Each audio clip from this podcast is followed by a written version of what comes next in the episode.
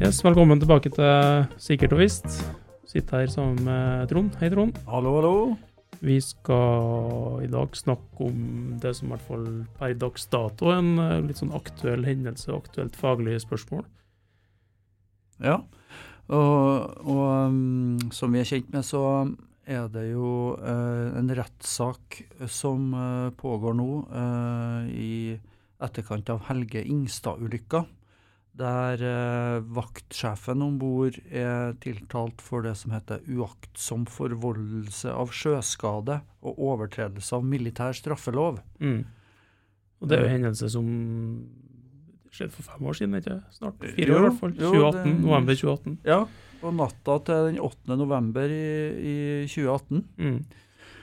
Så, og der er det jo eh, Den måtte aktualisere jo et spørsmål som egentlig har vært diskutert ganske lenge innenfor sikkerhetsfaget, nemlig hvordan skal man kunne skille mellom personansvar og systemansvar for ei, ja, ei storulykke, som det her egentlig er. Var det sånn at vaktsjefen eh, var uaktsom og direkte skyldig i ulykka, eller var vaktsjefen bare en del av et system? Eh, som hadde noen svakheter som på en måte konvergerte og, og førte til at ulykka skjedde. Og det er jo det som, på måte, som er da hovedspørsmålet som retten skal vurdere. Mm. Og så er det jo litt interessant her at uh, den saken her har jo vært granska av bl.a. Havarikommisjonen, og de Mm. peker jo veldig på systemsvikt. Vi kan jo komme litt tilbake til, Ja. til det, kanskje. Og så har jo også Forsvaret vedtatt ei bot på omtrent 10 millioner, ikke Eller Jo. 10 millioner akkurat. 10 millioner. Mm. Ja, Så det betyr jo at de har jo på en måte allerede akseptert at det har vært en systemsvikt. Mm. Men skal vi si Vi kan jo si litt om hvorfor hendelsen inntraff, kanskje. Hva Havarikommisjonen har eh, Ja, pekt på. vi kan jo kanskje og kjapt bare si litt om hendelsesforløpet, kanskje. Det kan vi begynne med. Uh, ja, for den skjedde jo da i november 2018, på, uh, midt på natta. Og da var jo Helge Ingstad, fregatten Helge Ingstad, var jo på vei sørover etter ei eh, militær øvelse. Og hadde da slått av eh, eget AIS-system, egentlig som, eh, som gjorde skipet, kan du si, identifiserbar for andre, andre fartøy. Og det var jo for så vidt en vanlig praksis har vært for militære fartøy. da. Og AIS betyr Eh, automatisk ja, Identification System. mm. Mm. Og samtidig da, så var tankeren da, Sola TS, eh, på vei nordover, veldig sakte riktignok. Den har nettopp eh, lasta råolje fra Stureterminalen. Og så, Den hadde jo AES på. Mm. Eh, men fordi den gikk såpass sakte, da, så, så trodde man på Helge Ingstad at det her var et eh, objekt som sto i ro. Og, og derfor så valgte man heller ikke å følge på radar, da, Mm. eh, naturlig nok. Og, og så var det jo en enhet som drev trafikkontroll, som da overvåker og har eh, kontakt med, med fartøy langs hele norskekysten. Mm. Og trafikkontroll ble da etter hvert oppmerksom på de to fartøyene, og, og at de var på kollisjonskurs. Ba Helge Ingstad om å ta hardt styrbord, men det valgte man da ikke gjøre, fordi man da mente man kom for nær noe man trodde var eh, et stasjonært objekt. Mm. Sola TS derimot, de var klar over at de var i ferd med å kollidere, og stoppa framdrifta. Og når det òg da var ca. 250 meter mellom de her to fartøyene, så ble også Helge Ingstad klar over av situasjonen og prøvde å gjøre en unnamanøver, men da, da var det for seint, og kollisjonen var eh, et faktum. Og Mm. som, som vi vet, da, så mista man jo fregatten, så det var store materielle verdier som, som gikk tapt. Mm. Men heldigvis da så var det mindre skader kun blant mannskapet. Det var vel sju stykker som ble lettere skadd, men det, Det kunne vel gått uh, langt verre. kunne gått veldig mye verre, egentlig. Mm. Og så har jo Havarikommisjonen som sagt granska denne ulykka i Og det er jo to rapporter. Det er vel en som går på selve hendelsen, og så en som går på redningsaksjon Ja. eh, av eh, vraket, kan man nesten kalle det. da. Mm. Eh, og da peker jo Havarikommisjonen på det vi kan kalle for system. svakheter knytta til organisasjon, operative ting, tekniske ting. Eh, og legger vel ikke noen kjempemye vekt på det menneskelig feilhandling, sånn sett, gjør de det? Nei, egentlig ikke. Så ser man i stor grad, sånn som jeg leser Havarikommisjonen sin rapport, på, på systemsvikt, systemsvakheter, da, som, uh, som førte fram til, til ulykka. Mm. Og Der kan vi jo kanskje nevne noen av de uh, faktorene de peker på som de viktigste, i hvert fall. Det er jo ja. Det er omfattende ulykker, så vi skal ikke bruke tida på å gå gjennom alt det her, men det går an å ja. få lytteren å finne ut sjøl. De er jo offentlig tilgjengelige, de her eh, rapportene. Absolutt. Så jeg tenker Hvis man ser på de to rapportene i sammenheng, da, så peker jo egentlig begge på egentlig ganske store systemsvakheter. Mm. Eh, det ene var jo at man eh, anerkjenner jo at vaktsjefen hadde forholdsvis lite erfaring, men var likevel klarert da, for Mm. vaktsjefjobben. Og hvis man ser på Forsvarets egen gransking, så ser man jo på um, uh, ja, Da man viser til at sikkerhetsstyringssystemet delvis var fragmentert. Det var fordeling av roller, ansvar, var komplisert. Muligens også forvirrende. Uh, det, man uh, fant også at det var en litt sånn lav anerkjennelse av uh, sikkerhetsrelatert kompetanse. Uh, og også det å identifisere målkonflikter mellom kall operasjonelle mål uh, og sikkerheter. så og Det som jeg også syns var interessant med forsvarsrapporten, var jo at her peker man jo også på at man hadde en kultur som la til rette for egentlig ganske sånn høy selvsikkerhet Ja. blant eh, de som var om bord. Altså, eh, og så kunne du si sjølsikkerhet, eh, det å ha kanskje litt overdreven tro på egne mm, evner. Mm. Eh, det kan jo i hvert fall i seg sjøl føre til at man er, kanskje ikke er like årvåken, eller opptatt av det vi kanskje kan kalle svake signaler på at ting ikke er, er som de skal være. Så, så, det virker jo å være liten tvil synes jeg, om at det var systemsvakheter som, som bidro til at ulykka uh, kunne skje. Og som du sier, så har jo Forsvarsdepartementet uh, vedtatt ei bot på 10 millioner. Så Mm. det, det er jo med på en måte, å, å bekrefte at man måtte ha tatt det ansvaret. da.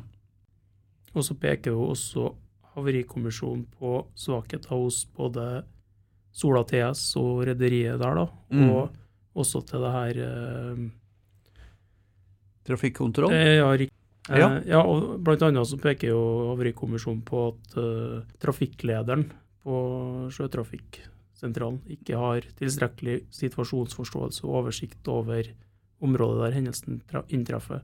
Mm. Så det, det er jo liksom det at her er det systemsvikt hos den enkelte aktør, og så er det systemsvikt totalt for de Ja. tre, tre aktørene. Så Ja. sånn sett så jo, kan vi godt kalle det for ei systemulykke. Ja, og som vi ser ofte, at, i hvert fall når man ser i granskninga, at øh, storulykker er jo ofte systemulykker. Altså Det det, det er mange forskjellige øh, Mm. årsaker som på en måte ja, kaller et uheldig sammentreff av omstendigheter som Mm. Da fører til at øh, ting skjer.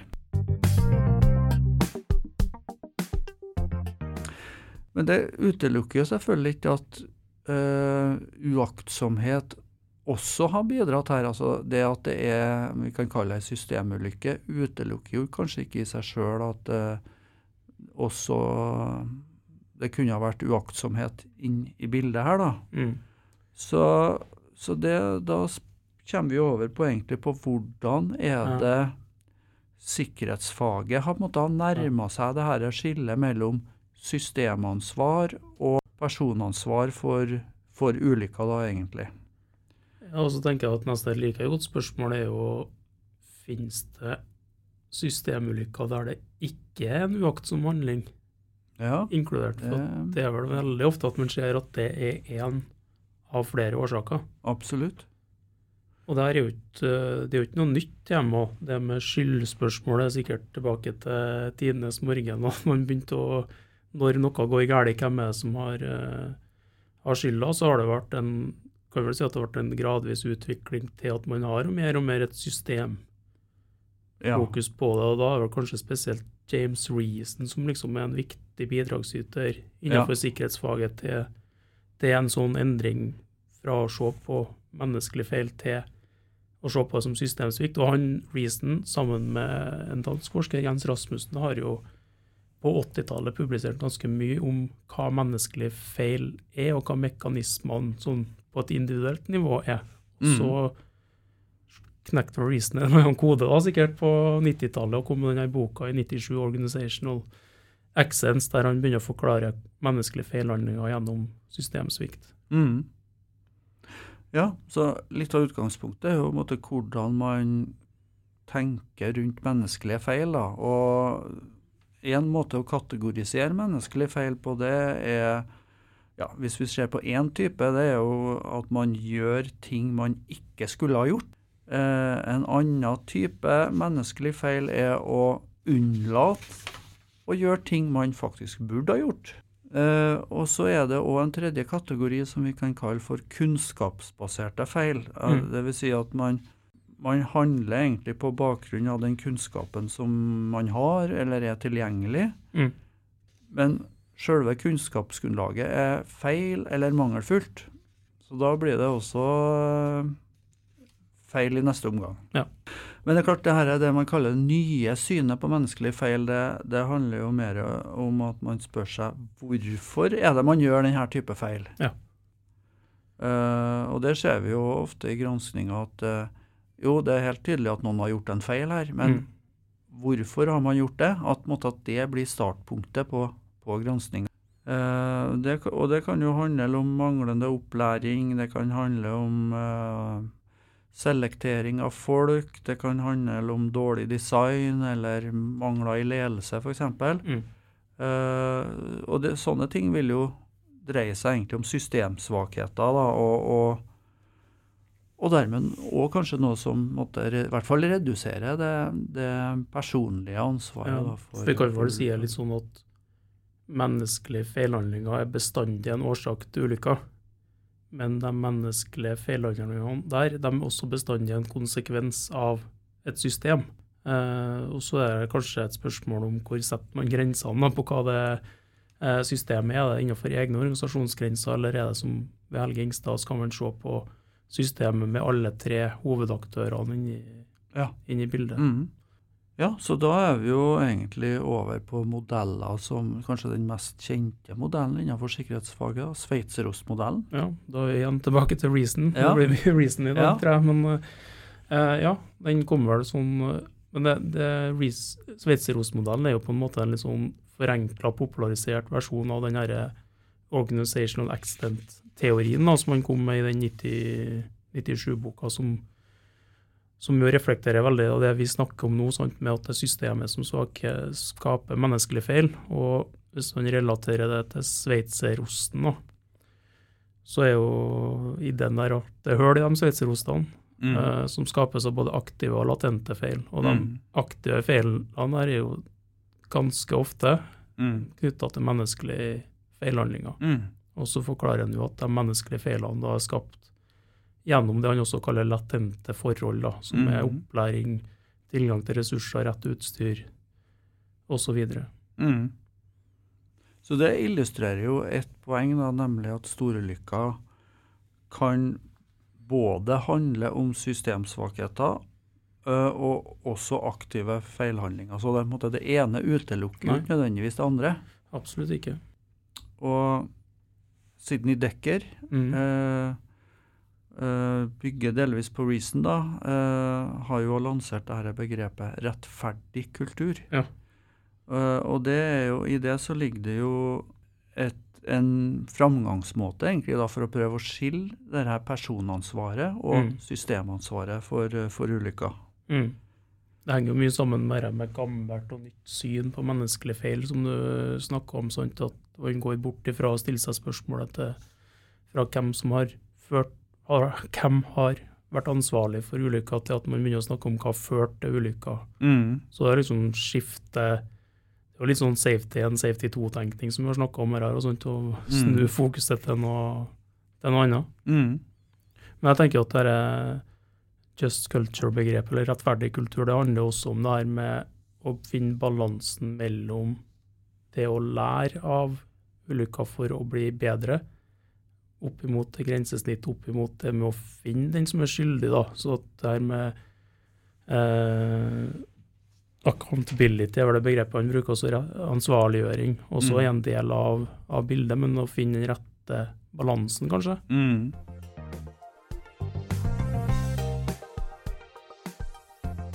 Det er klart at det å, å prøve å lage seg syndebukker, det Mm. er jo eh, i utgangspunktet noe som kan begrense eller forhindre læring.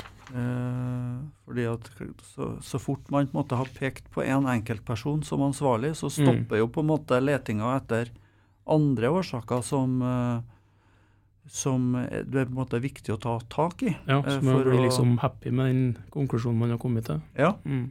Så det er en sånn effektiv stopper for videre undersøkelser, egentlig, det Mm. å peke ut en syndebukk. Men jeg syns jo det blir jo mye, ja, så mye reason i episoden her nå. Men reason har jo også et sånn uh, syndebukktre, som man kaller det, skyldetre, Mm. som egentlig er fem hovedspørsmål, da. Som er knytta til Tar utgangspunkt i menneskelige feil. Der det spørsmål nummer én eh, man stiller seg, er om handlinga var ondsinna, tilsikta. Og det er klart Hvis spørsmålet svarer på det ja, så er det antageligvis snakk om noe sabotasje eller selvmord eller terror. Altså Mm. noe som man ønsker å oppnå. Og da, Mm. klart, da kan det være vanskelig å unngå skyldebukkstempelet kanskje i en sånn situasjon. Mm.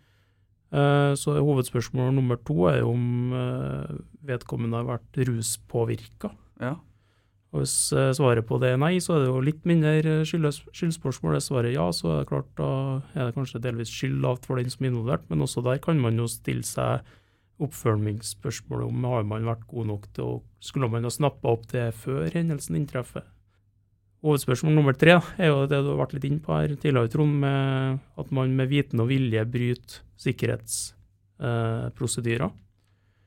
Og er svaret på det nei, så er man kanskje litt mindre skyldig. Er svaret på det ja, så er det kanskje også verdt det å gjøre nye undersøkelser om har da de sikkerhetsprosedyrene vært tydelig kommunisert, er de rett, har man fått opplæring i dem? Så beveger vi oss stadig vekk inn på mindre skyld her, da. Så neste hovedspørsmål, spørsmål fire, er om man har eh, passert den her eh, stedfortrederspørsmålet. Det kan jo du si litt om, Trond. Det har du jo ja. sagt noe om tidligere. Ja. Nei, det går jo ut på eh, Det er jo et ganske enkelt spørsmål. Mm. Eh, ville en annen person, la oss ta utgangspunkt i vaktsjefen, Ja. ville en annen vaktsjef med samme erfaring, samme skolering, samme kompetanse, handla på samme måte i akkurat denne situasjonen som vi snakker om, altså at man er i den samme konteksten? Mm. Så det er klart at Hvis svaret på det er ja, ja, en annen person med samme bakgrunn ville ha gjort akkurat det samme, så tyder jo det på at her ligger det et systemansvar Mm. heller enn et personlig ansvar for Altså, ulykka. ja. Så det er kanskje et viktig spørsmål man kan òg tenke på i um, forbindelse med rettssaken. Mm. Uh, og det er jo på en måte kanskje òg der måte, diskusjonen ligger, da, på et vis, mellom aktorat og forsvar. Ja.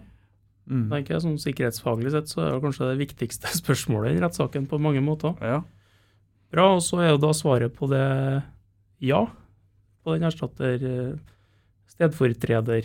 stedfortredertesten. Så er femte hovedspørsmål i det her treet til Reason om det her har det vedkommende gjort det her før, og så er det noe som har gjentatt seg og gjentatt seg flere ganger over, eh, over tid. Og da, hvis svaret på det da er ja, så er det klart at da er igjen et spørsmål til systemet. Hvorfor har ikke systemet klart å snappe opp og lært av de hendelsene som har skjedd Mm. før?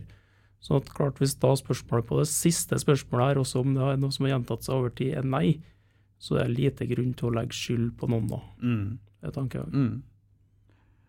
Ja, så man kan si at det er en måte avtagende måte, skyld her, da, Ja. ut ifra de, Og mer og mer fokus, ja. mer og mer skyld på systemet. Ja. Mm. Så det gir jo et litt sånn nyansert syn på det, da, eh, og et mulig, mulig hjelpemiddel. Men når det gjelder dette stedfortrederspørsmålet, da, så Ja. er det jo i rettssaken da, så har det jo egentlig kommet fram eh, ganske sånn ulike syn på det her da, eh, så langt. Eh, Mm. det ene er jo aktoratet og Forsvaret som argumenterer egentlig for eh, henholdsvis et personlig versus et systemansvar. Mm. Det har vært ganske tydelig. Og så har vi jo òg hatt avtroppende vaktsjef. altså Det var jo en vaktsjef som gikk av ikke veldig mange minutter før, eh, før eh, den her vaktsjefen som er tiltalt nå, eh, kom på. Mm. Uh, og hun forsto jo heller ikke at man var på kollisjonskurs. Uh, det er jo òg litt interessant i, i forbindelse med denne saken. Uh, og så har vi jo kapteinen på Helge Ingstad, Mm. Eh, som også har gitt uttrykk for at hvis det var noen som skulle tiltales, så var det jo han. Mm. Eh, og han følte at det var feil at eh, vaktsjefen egentlig var den som, som sto på, på tiltalebenken. Og så har du jo også losen, da, som, Mm. som mente at etter hans synspunkt så var det manglende erfaring som, som bidro, bidro til ulykka. Ja. Men skulle man jo ha stilt stedfortredertesten her også til losen eller andre på brua på TS Sola, og stilt samme testen til den som stod på vakt på sjøtrafikksentralen? Ja, det kunne jo vært en interessant øvelse, selvfølgelig. Uh, så det blir i hvert fall interessant å se hva retten kommer fram til her, og, og også hvordan man egentlig argumenterer for denne dommen. Ja. Uh, det vil si om man tar et systemperspektiv og måtte klare å balansere det mot en, et eventuelt personlig ansvar, da. Mm. Så det er egentlig litt sånn rettferdighetskultur i praksis, det her, da. Ja, det vil jo være det. Eh, så, så sånn, for sånne som oss, så er jo det her eh, veldig interessant. Ja. Men så tenker jeg også for sånne som oss, så vi har jo et litt annet utgangspunkt som sikkerhetsforskere og som sikkerhetspraktikere ville hatt. da. Og det er jo at når man snakker om ulykkesgranskning og ulykkesanalyse, så er jo hen, den primære hensikten med det er jo å skaffe seg et kunnskapsgrunnlag for å lære og Mm. endre på ting for å bli bedre og dermed hindre nye ulykker. Ja. Men så er det jo verden satt sammen sånn at det, det finnes jo aktører som er opptatt av et skyldspørsmål med politi og andre tilsynsmyndigheter, som kanskje også kan være med å forklare hvorfor den saken her kommer opp i, i retten. Mm. Ja, og vi ser jo i, i debattsida og kommentarfelt osv. at det, det her er jo en sak som eh, egentlig vekker stort engasjement, eh, og der det er synspunkt egentlig som går i begge retningene her. Eh, ja, men det er klart at i forhold til læring, så er det jo sentralt at man og på en måte klare å heve blikket og, og Mm. se på eh, systemsvakheter, heller enn å kanskje peke på Ja, altså tenke læringsteori her, da. Så er vi jo mer opptatt av at organisasjoner skal lære. Og for at organisasjoner skal lære, så må man jo lære på de litt dyperegående tingene. Det gjelder jo ikke bare å rette opp i avvikene og, og så fikse eh, menneskelige feil, men du er jo nødt til å lære sånn at systemet ditt blir bedre, sånn at du Mm. får en dobbeltketslæring, da, som Mm. er et av fagbegrepene. En, Mm. dy, en dypere læring som Mm. går inn på å endre på bakenforliggende faktorer og rotårsaker til en, til en hendelse. Mm. Så det handler ikke bare om om vi gjør tingene riktig, men også om vi gjør de riktige tingene. Mm. Men det blir jo eh, veldig interessant å se dommen, som sagt, og begrunnelser for den. eh, og så kanskje gir det en mulighet for en ny episode, eh, der vi òg ser litt på og diskuterer premissene egentlig for, for den dommen som etter hvert vil komme.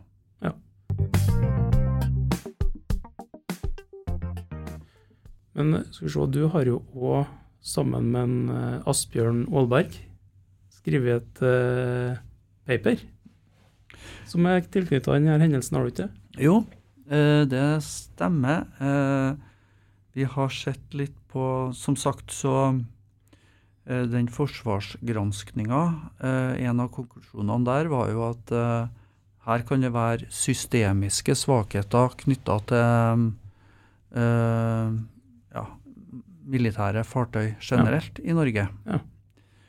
Uh, og det var en sånn problemstilling som vi hadde lyst til å ettergå litt. Uh, så det vi hadde tilgjengelig, det var et ganske stort spørreskjemamateriale som omfatta uh, bl.a. militære fartøy, men også mange andre. Så totalt sett så var det jo over 9000 som hadde svart på den spørreundersøkelsen, som var i regi av Sjøfartsdirektoratet. Så det materialet ga oss jo en mulighet til å se litt på um, Er det forskjeller da mellom militære fartøy og andre typer fartøy? Ja. Eh, Knytta til en eh, del variabler som vi syns så relevant ut, eh, basert på eh, de granskingene som var gjort. Ja. Hva slags forskjeller fant dere? Eh, nei, det vi fant, det var Vi fant ikke egentlig alt av det vi hadde forventa. Men én eh, ting, det var jo at vi mm, eh, vi, vi, fant det at uh, mannskapene om bord på militære fartøy hadde betydelig mindre erfaring enn mannskap på andre typer, kall det sammenlignbare ja. fartøy. da. Uh, så var, de var yngre, og de hadde også Eh, kortere erfaring egentlig fra sjøfartsyrket. Eh, eh, så, så, det var jo um, interessant. ellers så hadde også mannskap på militære fartøy en mindre egentlig tillit til den sikkerhetskompetansen kollegaene hadde, sammenligna med andre mannskap på andre fartøy. Ja. Uh, egentlig motsatt retning av det vi tenkte i utgangspunktet. fordi at uh, vi snakka jo om det her med at man var, hadde kanskje litt for mye sjøltillit uh, og trodde man kunne Ja, litt for stor tro på egne evner. Mm. Men, men, det fant vi ikke da i, i vår undersøkelse. ellers så var det òg mye der vi så egentlig veldig mye likheter mellom eh, militære fartøy og andre eh, typer fartøy. Så det tyder jo kanskje på at det er eh, Ja, det gir i hvert fall en hypotese om at det blir litt eh, problematisk kanskje å ta utgangspunkt i én ulykke. Mm. Og ut ifra den eh, generalisere eh, og si at her er det systemiske svakheter knytta til, til en hel gruppe fartøy. da. Ja. I hvert fall det vil det jo være ganske store variasjoner i,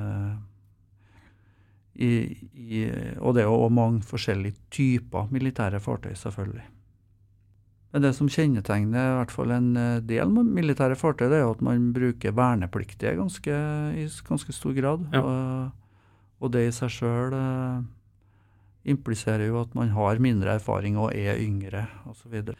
så er det jo litt paradoksalt i forhold til en del andre undersøkelser som er gjort i forbindelse med militære fartøy. Altså Vi har jo HRO-teorien, ja. høypålitelighetsorganisasjoner. Ja, ja, der man har, eh, som var egentlig et utgangspunkt eh, for å si at her er det jo virksomheter som fungerer veldig godt sikkerhetsmessig, til tross for at man har en, en ung besetning. Og, ja. Så kan du si at HRO-teorien ble jo på en måte utvikla delvis på bakgrunn av studier på militære fartøy. Ja.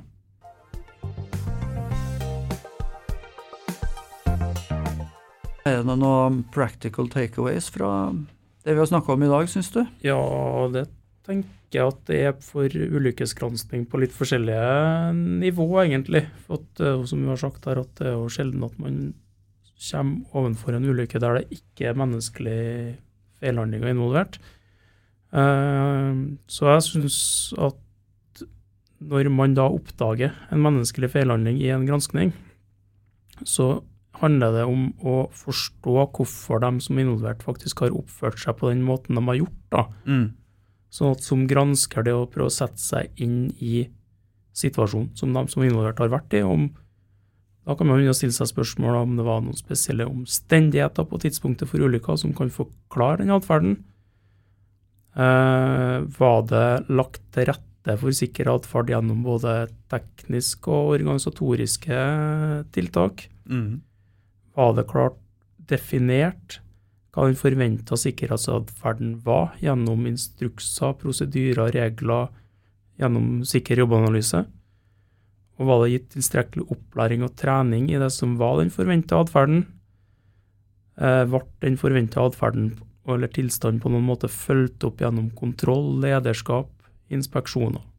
Mm. Sånn at man flytter fokuset litt bort fra den feilhandlinga til hvorfor man har gjort det på den måten. Så det er jo Jeg tenker det her er gode spørsmål for å operasjonalisere egentlig den teorien vi har snakka mye om i dag, da, med å se på hvorfor systemet skaper menneskelige feillandinger. Mm. Så da tror jeg vi runder av for den gangen her. Eh, Så tusen takk for oss. Ja, takk for oss. Ja, ikke forhåndholdes. Ja,